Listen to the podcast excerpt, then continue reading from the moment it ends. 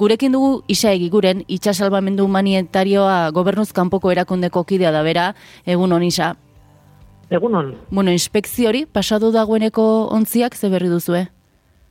Bai, e, bueno, azkenean e, ez dago e, berez inspekziorik egon behira momentu honetan, esan duzun bezala itamari ortonako portuan dago, tripulazioa oraindik dago bertan, eta e, joan den ostiralean, berrogei erreskatatuekin iritsi zirenean, bai polizia dispositibo ikaragarria egon zan, itxasontzian sartu ziren, eta gure kapitainari erreskatearen xetasunak eskatu zioten, hori bai gertatu zan, baina hortik aratago, ez du gara zaundirik espero, beraz, eguraldiak usten duenean, ze momentuz ez dago eguraldi e, ona, irteteko baimena eskatuko dugu, eta espero dugu dena ongi e, joatea, baina egia da, e, ziurgabetasun handiarekin bizigarela beti, ze, ze oso aldakorrak dira e, hemen legeak eta arauak, orduan ez da, beti, beti hori, ez, mm -hmm. ziurgabetasun horrekin gaude.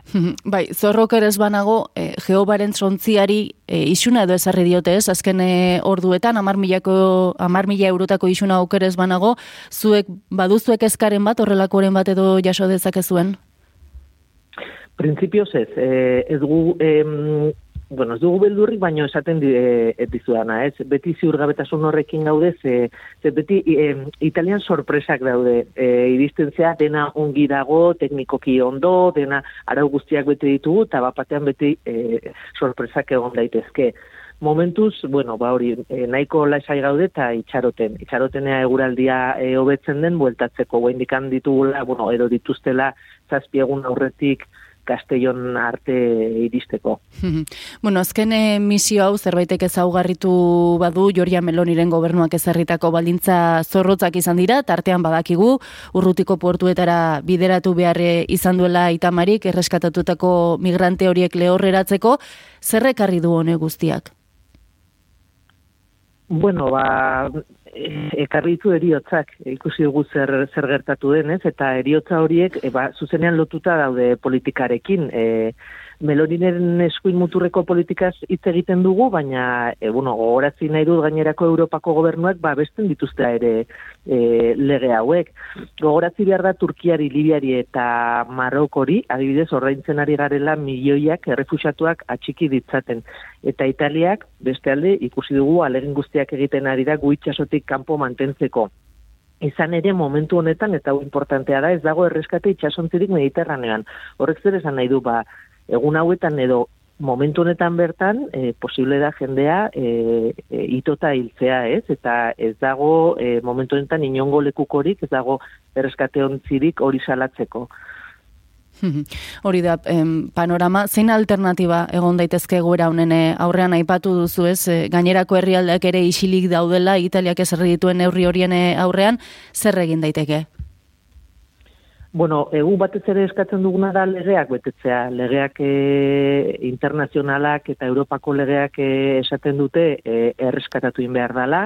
E, portuak adibidez e, e, eman behar dira portuak e, e, itxasoaren e, itxasotik gertu eta ez egiten ari dana Italia. Eta gero, e, e gara politikoak. E, orduan e, ez dakigu bere zer egin behar da, baina bai erantzun globala izan behar da. Alde batetik politikariek nik uste eta eseri e, e, uste dugu eta egituz, egiturazko neurriak hartu behar dituztela, batez ere hori legeak errespetatzen.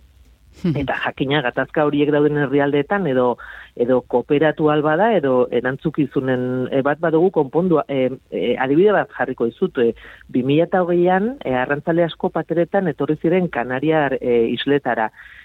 Zergatik, Senegaleko gobernuak arrantzarako lizentziak eman zizkien Txinari eta Europari, eta bitartean Espainiari ere, orduan arrantzale tradizionalak lanik gabe e, geratu zidan, eta zizidan pateratan etortzen, beraz, e, Afrikako arrainak nahi ditugu, baina ez ditugu migratzaileak maite. E, nun dago horeka? Osea, e, gauza batzuetan e, er, erantzuki izun bat e, e, egin behar dugu, ez, edo daukagu.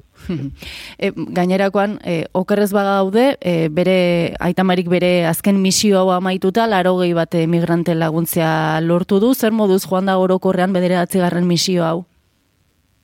Bueno, orokorrean ongi, ongi joan da. E, izaten da oso, oso nekagarria eta gogorra, eh, tripulazioaren zat, eta pertsona hauen baina, bueno, prinsipioz nahiko, nahiko ondo joan da.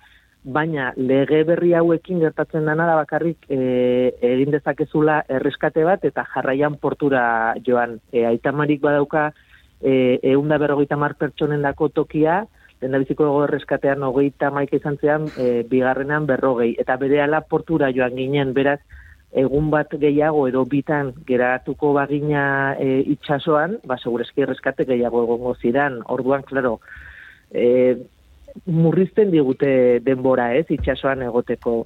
Orduan, bueno, alde horretatik, ba, ba, pena hundikin ez, bakarrik hori erreskate bat eta jarraian portura, portura joan. Eta hori, itxasontzi guztiarekin ari da gertatzen. Zingara egon e, denbora itxasoan. em, aipatu duzu momentu ze aita mari ortonako portu horretan, e, baimen hori edo gunaldiaren menpe ez da baimen hori jasotzearen zain, em, behin one, ona iritsita edo baduzue buruan, noizko izan laiteken urrengo misioa? Bueno, oso zaila izaten da e, jakitea, baino gure ideia da maiatzaldera e, bueltatzea, hori gustatuko litzaiguke hori gustatuko litzaiguke. Urtean egiten ditugu saiatzen gara hiru edo lau misio egiten, e, dirutza bat da, misio bakoitza gora, e, gutxi gora bera igual dira e, eun mila euro, imaginatu orduan ekonomikoki oso zaila da, eta teknikoki ere, ez, ez da erresa ez. Bai, Orduan, bueno, gu, gu, bai, guri ideia da e, maiatzan, posible badugu maiatzan. bueno, ba, bien bitartekoak, maiatza bitarteko horietan, eta batez ere egun hauetako kondo joan daitezela, isak eguren eskertzen dizugu izugarri gaur gurekin egon izana, besarkada bat. Besarkada, agur.